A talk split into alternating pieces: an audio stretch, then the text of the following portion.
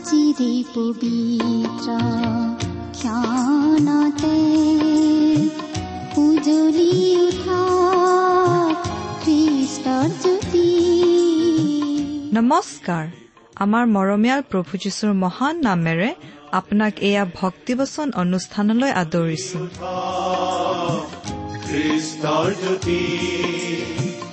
আকাশ বতাহ মুখৰিত কৰি গাঁও মিলি প্ৰশংসা গীতি গাঁও প্ৰশংসা গীতি আজিৰে পবিত্ৰ ক্ষণতে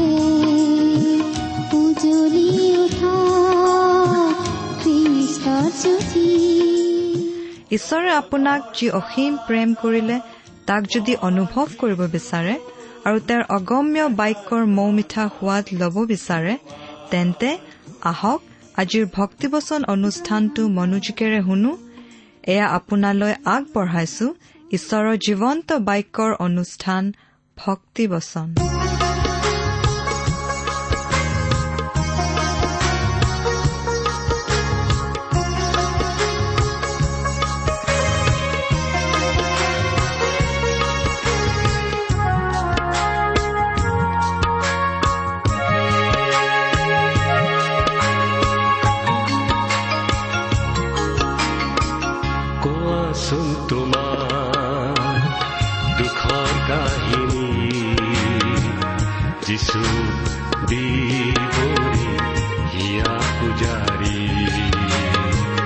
যিছুৱে শুনিব চকুলো মচি দিব নিশ্চয় তোমাক শান্তি দিব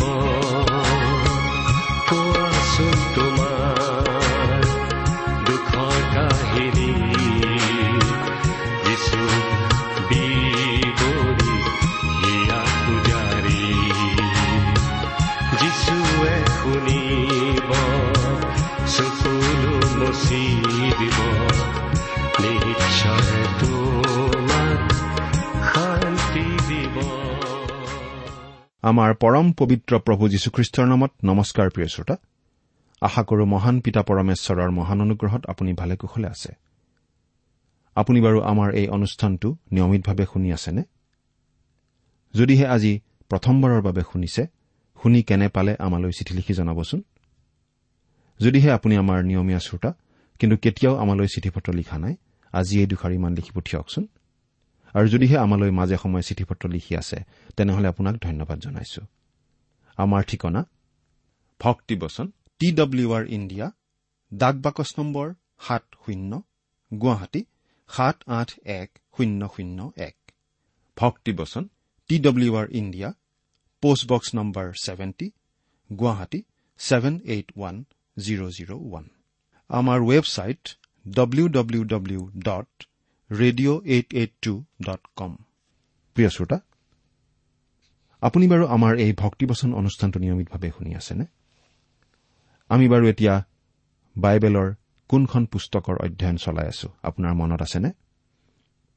যদিহে আপুনি আমাৰ নিয়মীয়া শ্ৰোতা তেনেহলে আপুনি নিশ্চয় এই কথা জানে যে আমি আজি কেইদিনমান আগৰ পৰা বাইবেলৰ পুৰণি নিয়ম খণ্ডৰ উবদীয়া ভাৱবাদীৰ পুস্তক নামৰ পুস্তকখনৰ অধ্যয়ন চলাই আছিলো। যদিহে আপুনি আমাৰ আগৰ অনুষ্ঠানটো শুনিছিল তেতিয়াহ'লে আপোনাৰ নিশ্চয় মনত আছে যে আমি যোৱা অনুষ্ঠানত এই উবদীয়া ভাৱবাদীৰ পুস্তকৰ পোন্ধৰ নম্বৰ পদলৈকে আমাৰ আলোচনা আগবঢ়াই নিলো।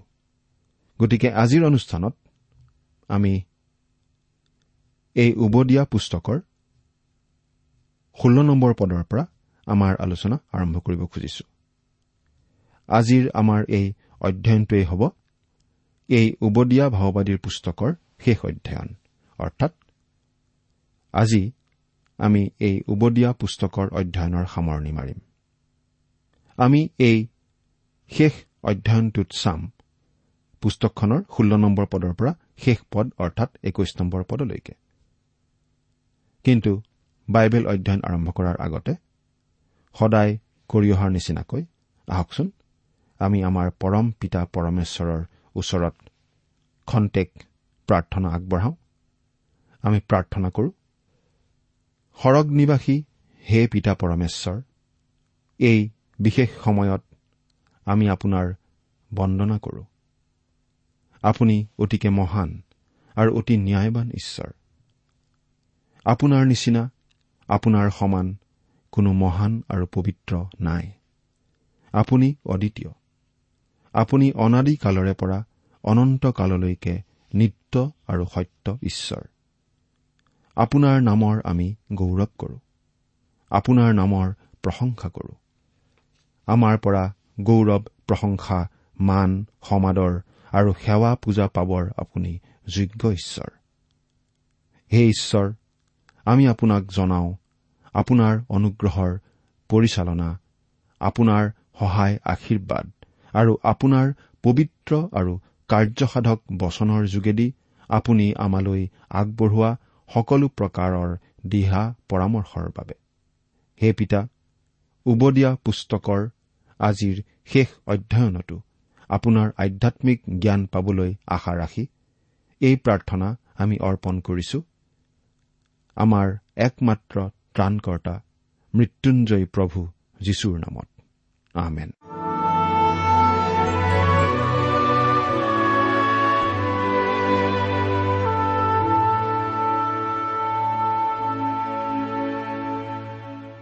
প্ৰিয় শ্ৰোতা ইয়াৰ আগৰটো অধ্যয়নত উবদিয়াৰ কেৱল চৈধ্য আৰু পোন্ধৰ নম্বৰ পদ দুটা অধ্যয়ন কৰি আমি এই কথা চাইছিলো। কেনেকৈ ইডুমে অৰ্থাৎ ইডুম জাতিয়ে অহংকাৰৰ ধোঁৱা কোৱাত একো নেদেখা হৈ নিজ জ্ঞাতিৰ জাতি ইছৰাইল লোকসকলৰ চৰম দুৰ্দশাৰ সময়ত তেওঁলোকৰ প্ৰতি বৰ জঘন্য বিশ্বাসঘাতকতা প্ৰদৰ্শন কৰিছিল। যি স্থলত ইডুমে নিজৰ জ্ঞাতি জাতি ইছৰাইলক। তেওঁলোকৰ চৰম দুৰ্দশাৰ দিনত সহায়ৰ হাত আগবঢ়াব লাগিছিল। সেই সময়ত তেওঁলোকক বৰ জঘন্য নিষ্ঠুৰতাৰে বিশ্বাসঘাতকতা কৰি শত্ৰুৰ হাততহে পৰিবলৈ এৰি দিছিল। আৰু সেইকাৰণে ঈশ্বৰে কৈছে যে তেওঁ অহংকাৰীক ঘীন কৰে। আৰু সেইবাবেই তেওঁ ইডুমক শাস্তি দিব।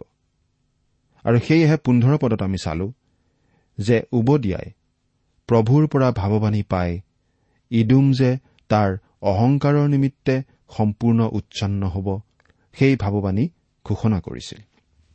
উবদিয়াৰ ঘোষণাৰ দৰেই ইডুম প্ৰথমতে বাবিলনীয়াসকলৰ দ্বাৰা আৰু তাৰ পাছত পুনৰ মাকাবিয়াসকলৰ হাতত আৰু একেবাৰে শেষত সত্তৰ খ্ৰীষ্টাব্দত ৰোমিয়া সেনাবাহিনীৰ হাতত সম্পূৰ্ণ পৰাস্ত হৈ উচ্ছন্ন হৈছিল আৰু ইডুমৰ গোটেই জাতিটোৰেই পৃথিৱীৰ পৰা একেবাৰে বিলুপ্তি ঘটিছিল। ঈশ্বৰৰ পৰা তেওঁলোকে তেনেদৰে শাস্তি পাইছিল। সেই সময়ৰে পৰা এই ইডুম জাতিটোৰ বিষয়ে আৰু একো শুনিবলৈ পোৱা নাযায়। সেইদৰেই ইডুমৰ ক্ষেত্ৰত উবদিয়াৰ ভাৱবাণী আখৰে আখৰে সিদ্ধ হৈছিল। আমাৰ যিসকল প্ৰিয় শ্ৰোতাই ইয়াৰ আগৰ অধ্যয়নটো শুনিছিল তেওঁলোকে এই কথা জানে যে ইডুমৰ অহংকাৰ আৰু বিশ্বাসঘাতকতাৰ কথাৰ লগতে আমি এই কথাও কৈছিলো কেনেকৈ আজিৰ দিনৰ মানুহবিলাকেও জাকত জিলিকা হবলৈ নাম যশ কিনিবলৈ ভাই ভাইৰ মাজতেই চৰম বিশ্বাসঘাতকতাৰ লেতেৰা খেল খেলি থাকে। আৰু তাৰে ভাইয়ে ভাইৰ বিস্তৰ ক্ষতিসাধন কৰি থাকে। তাৰোপৰি ইডুমৰ নিচিনা কিছুমান অহংকাৰী মানুহ যে খ্ৰীষ্টীয় মণ্ডলীতো আছে আৰু তেওঁলোকৰ দ্বাৰাই মণ্ডলীৰ যে সমস্যাসমূহৰ খণ্ডন নহয় বৰং মণ্ডলীৰ বিভিন্ন সমস্যা বাঢ়িহে যায় সেই বিষয়েও আলোচনা কৰি আমি আমাৰ নিজৰ কাৰণেও শিক্ষা আহৰণ কৰিলো। আজি আমি ষোল্ল নম্বৰ পদৰ পৰা অধ্যয়ন আৰম্ভ কৰো আহক।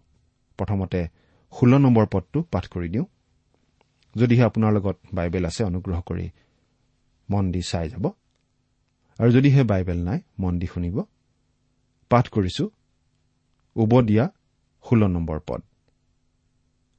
কাৰণ মোৰ পবিত্ৰ পৰ্বতত তোমালোকে পাণ কৰাৰ দৰে আটাই জাতিয়ে অনবৰত পাণ কৰিব। এনেকি সিহঁতে পাণ কৰি গেটবোৰো গিলিব আৰু সিহঁত নোহোৱা যেন হ'ব। আন কথাত ঈশ্বৰে ইডুমক এই বুলি কৈছিল তুমি যেনে কৰিলা তোমালৈকো তেনে কৰা হ'ব। একেধৰণে তুমিও তোমাৰ প্ৰাপ্য লাভ কৰিবা। এয়া প্ৰতিশোধৰ বিধান। প্ৰভু যীশুৱেও কৈছিল তোমালোকে যেনেকৈ পৰৰ বিচাৰ কৰা ঠিক তেনেকৈয়ে তোমালোকৰো বিচাৰ কৰা হ'ব। মুঠিয়ে লিখা শুভবাৰ্তাৰ সাত নম্বৰ অধ্যায়ৰ এক নম্বৰ পদ। পাচনি পৌলেও এই বুলি কৈছে এজন মানুহে যি শস্যৰ কঠীয়া বোৱে সেই শস্যৰে তেওঁ শস্যও চপাব। এই কথা আমি পাওঁ গালাটীয়া ছয় নম্বৰ অধ্যায়ৰ সাত নম্বৰ পদত। আন কথাত ইডুমে যেনেকৈ আনক দুখ কষ্ট দিলে তেওঁ নিজেও একেধৰণেৰেই কষ্ট পাব। আজিৰ জাতি আৰু দেশবিলাকে আনবিলাক জাতি আৰু দেশক যেনেদৰে ব্যৱহাৰ কৰিছে তেওঁলোকলৈকো একেদৰে ব্যৱহাৰ কৰা হ'ব। তৰোৱালেৰে আক্ৰমণ কৰাসকলে তৰোৱালৰ ধাৰতেই পৰি মৰিব লাগিব। পাৰমাণৱিক বোমাৰে ধ্বংস কৰাসকল নিশ্চয় পাৰমাণৱিক বোমাৰেই বিনষ্ট হ'ব। ঈশ্বৰে কোনো দেশ বা জাতিক কেতিয়াও ৰেহাই নিদিব। আমি যদি ইতিহাসৰ পাত মেলি চাওঁ তেন্তে সেই সত্যতা আমি দেখিবলৈ পাওঁ। যিয়ে যেনেকৈ আনক ব্যৱহাৰ কৰিছে ঠিক তেনেকুৱা ধৰণৰ ব্যৱহাৰ কোনো একালত নিজেও আনৰ পৰা পাইছে। মানৱ জাতিৰ ইতিহাসত আমি এইদৰেই ঘটি অহা দেখিবলৈ পাওঁ।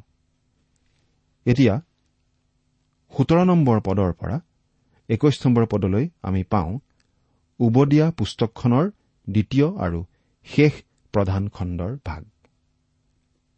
মুঠেই দুটামান পদ কিন্তু এই পদকেইটাতেই ইছৰাইল জাতিটোৰ শেষ অৱস্থাৰ কথা আমি পাওঁ। ইডুমৰ বাবে তেওঁলোকৰ শেষ গতি আছিল সম্পূৰ্ণ উচ্ছন্ন হোৱা। কিন্তু ইছৰাইল জাতিটোৰ শেষ অৱস্থা পুনৰুদ্ধাৰ হোৱা। অসীম ঈশ্বৰৰ অনাদি অনন্ত পৰিকল্পনাত ইছৰাইল নামৰ এই সৰু জাতিটো আছিল উপযুক্ত আৰু যোগ্য জাতি। সৰ্বশক্তিমান ঈশ্বৰৰ পৰিকল্পনাত খাপ খাবলৈ প্ৰতিগৰাকী ব্যক্তিয়েই যোগ্য বা উপযুক্ত হয়। কাৰণ আপুনি যিকোনোৱেই নহওক কিয় আপুনি যি মানুহেই নহওক কিয় ঈশ্বৰে যদি আপোনাৰ কথা চিন্তা নকৰিলেহেঁতেন আপুনি আজি নাথাকিলেইহেঁতেন। আপুনি সদায় ঈশ্বৰৰ মনত আছিল। এতিয়া ডাঙৰ প্ৰশ্নটো হৈছে আপুনি তেওঁৰ খোজত খোজ মিলাই তেওঁৰে সৈতে আপোনাৰ জীৱনৰ বাটত বাট বুলিবনে? আপুনি তেওঁৰে সৈতে নে তেওঁৰ বিৰোধিতা কৰি অনন্তকালত প্ৰৱেশ কৰিব? তেওঁ তেওঁৰ পৰিকল্পনাৰ দৰেই কাম কৰি গৈ থাকিব। সেয়া আপোনাৰ জ্ঞানীৰ কাম হ'ব যদি তেওঁৰ সৈতে আপোনাৰ জীৱনৰ বাটত অগ্ৰসৰ হবলৈ আপুনি সিদ্ধান্ত লয়। সোতৰ নম্বৰ পদটো পঢ়ি দিম। কিন্তু ৰক্ষা পোৱাবিলাক চিউন পৰ্বতত থাকিব আৰু সেয়ে পবিত্ৰ হ'ব আৰু জাকুবৰ বংশই নিজৰ আধিপত্য ভোগ কৰিব। ৰক্ষা পোৱাবিলাক চিউন পৰ্বতত থাকিব মানে চিউন পৰ্বততেই জগতক ঈশ্বৰে পৰিত্ৰাণ দান কৰিব।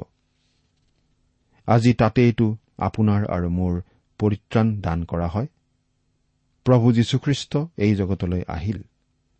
আৰু গলগঠাত আপোনাৰ আৰু মোৰ কাৰণে প্ৰাণ আহুতি দিলে। আপোনাৰ আৰু মোৰ পাপৰ প্ৰায়চিত্ৰ কৰিলে।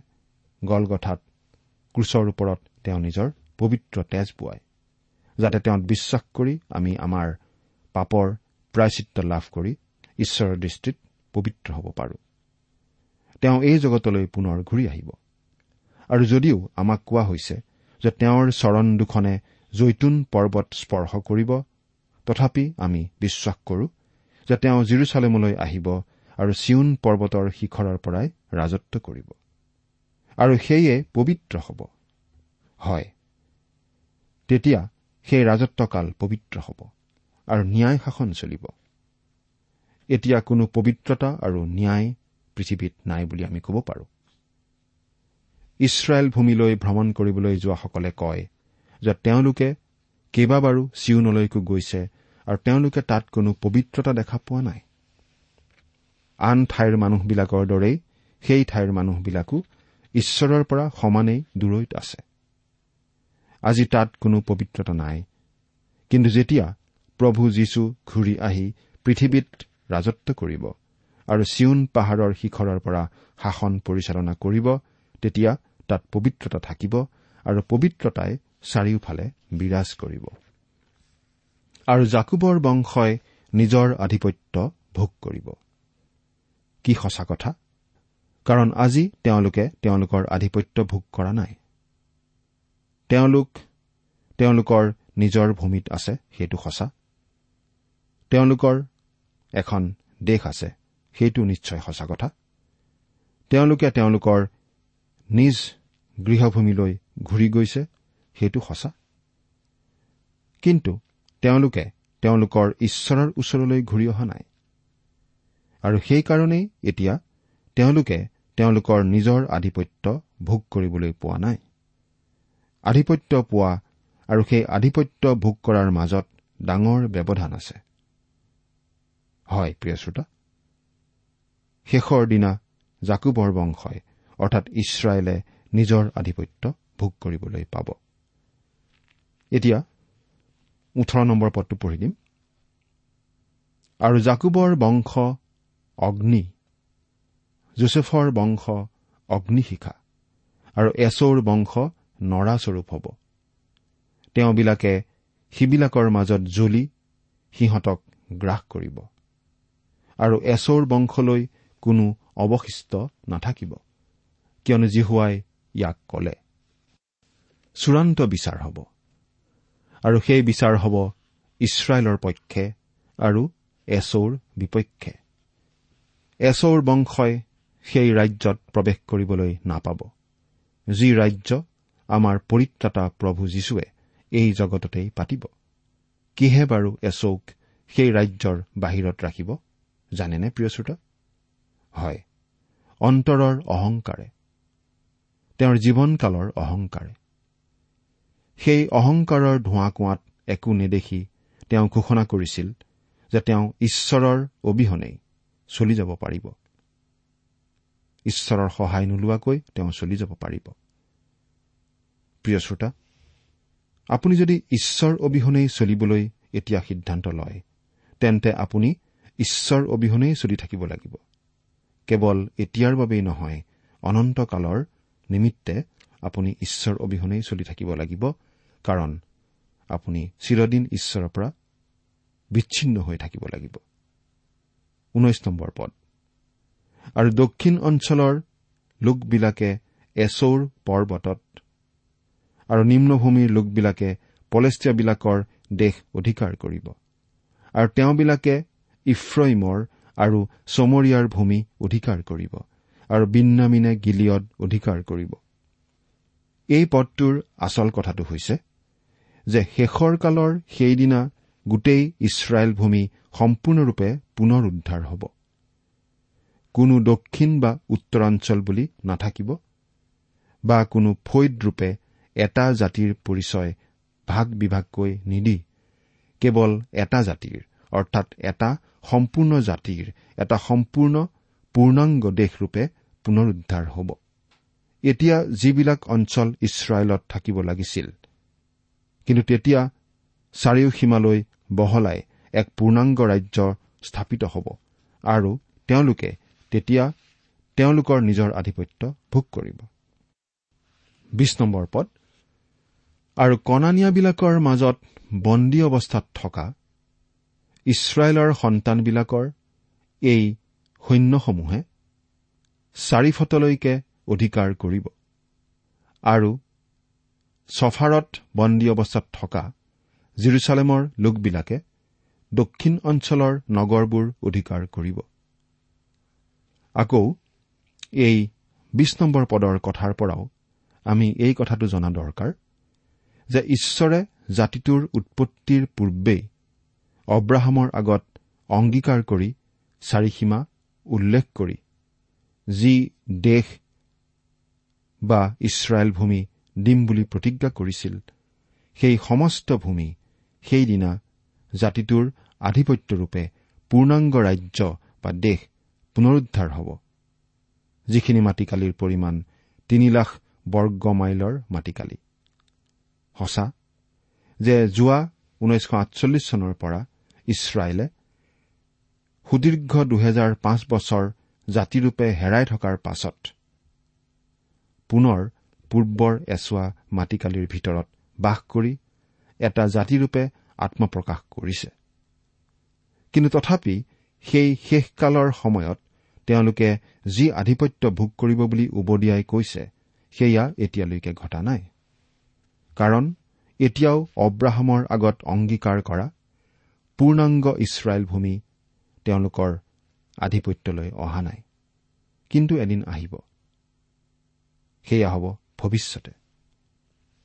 প্ৰিয় শ্ৰোতা আমি আগৰে পৰাই কৈ আহিছো যে ভাৱবাদীসকলৰ বহুবোৰ ভাৱবাণী ইতিমধ্যে ঘটি গৈছে। ইতিমধ্যে ফলিয়াইছে। কিছুমান এতিয়া ঘটি আছে আৰু কিছুমান এতিয়াও ঘটিবলৈ বাকী আছে। ঘটিবলৈ বাকী থকাবিলাকৰ ভিতৰত এইটো এটা। যে ইছৰাইলৰ সন্তানসকলে তেওঁলোকৰ পূৰ্ণাংগ ইছৰাইল ভূমি এতিয়াও তেওঁলোকৰ দখললৈ অনা নাই। তেওঁলোক এতিয়াও সকলোৱে স্বদেশলৈ উভতি অহা নাই। আৰু আটাইতকৈ ডাঙৰ কথাটো হৈছে যে তেওঁলোকে এতিয়াও তেওঁলোকৰ ঈশ্বৰলৈ ঘূৰি অহা নাই। গতিকে ইছৰাইলে তেওঁলোকৰ পূৰ্ণ আধিপত্য এতিয়াও ভোগ কৰিবলৈ পোৱা নাই। সেইটো হ'ব ভৱিষ্যতে। একৈশ নম্বৰ পদ। আৰু এচৌৰ পৰ্বতৰ বিচাৰ কৰিবলৈ ত্ৰাণকৰ্তাবিলাক চিউন পৰ্বতত উঠিব আৰু ৰাজ্য জিহুৱাৰেই হ'ব।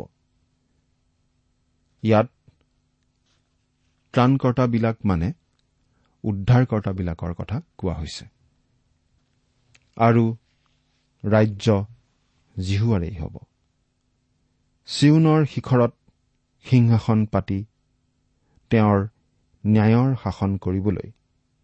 প্ৰভু যীশুৱে তেওঁৰ পৰিকল্পনাৰ দৰে আগবাঢ়ি গৈ আছে নিৰ্বিঘ্নে আৰু দ্বিধাহীনভাৱে। প্ৰভু যীশুৱে সেয়ে জিহিচকেল একৈশ নম্বৰ অধ্যায়ৰ সাতাইছ পদত আমাক এই বুলি জনাই দিছে তেওঁ নাহে মানলৈকে জাতিবিলাকক নষ্ট কৰি থাকিব।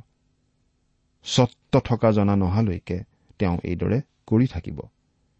ঈশ্বৰৰ যি পৰিকল্পনা আৰু কাৰ্যসূচী তাক কোনেও বন্ধ কৰিব নোৱাৰিব। এচৰ কোনো সন্তানে নোৱাৰিব।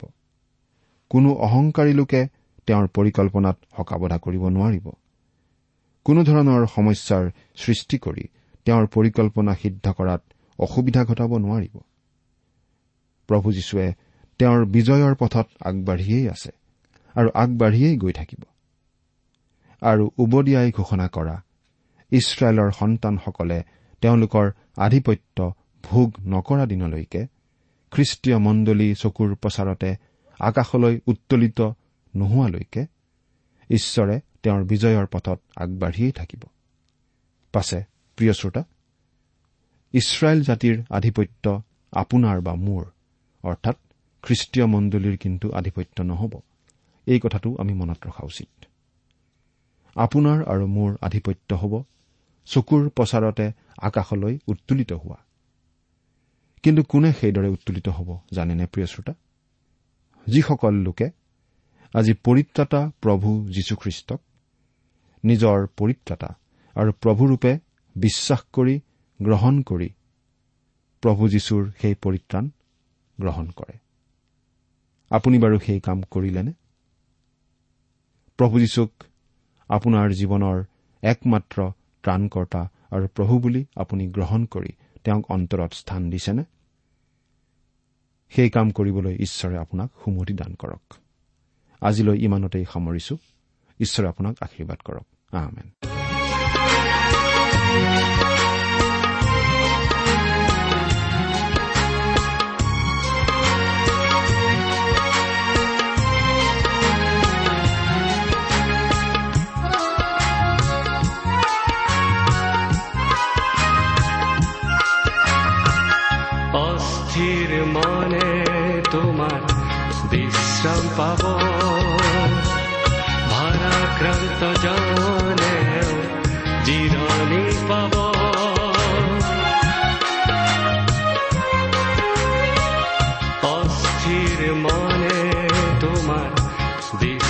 পাব।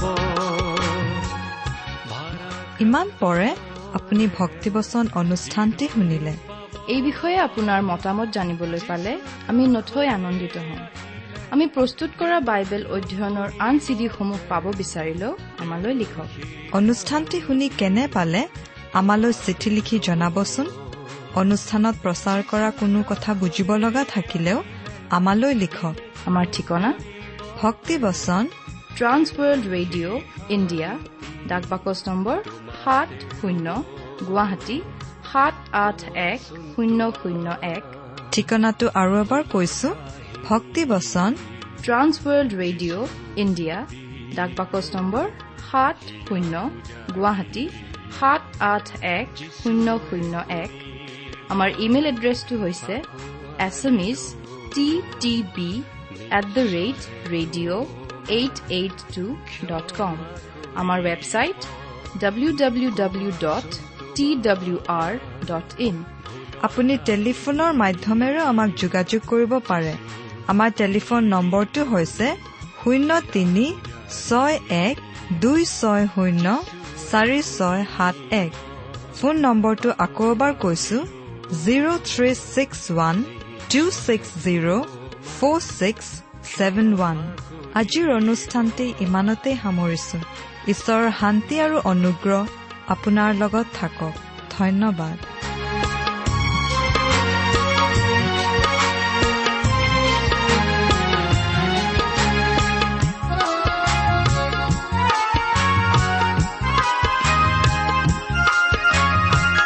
অস্থিৰ মনে তোমাৰ বিশ্ৰাম পাব। ভাৰাক্ৰান্ত জনে জিৰণি পাব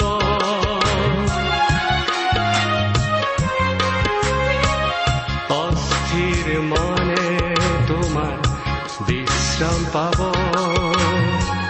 ভাৰাক্ৰান্ত জনে জিৰণি পাব।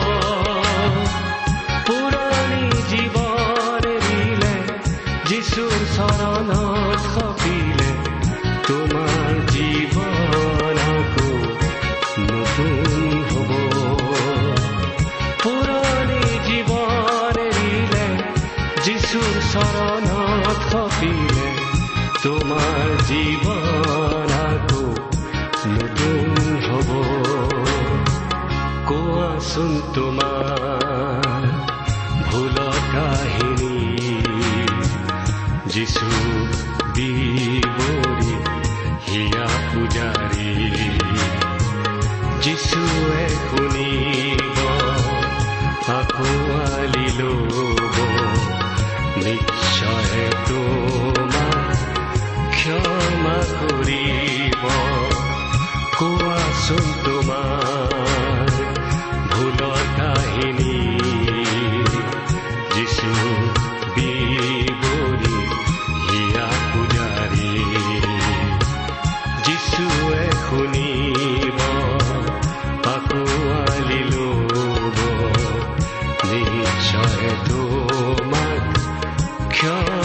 করি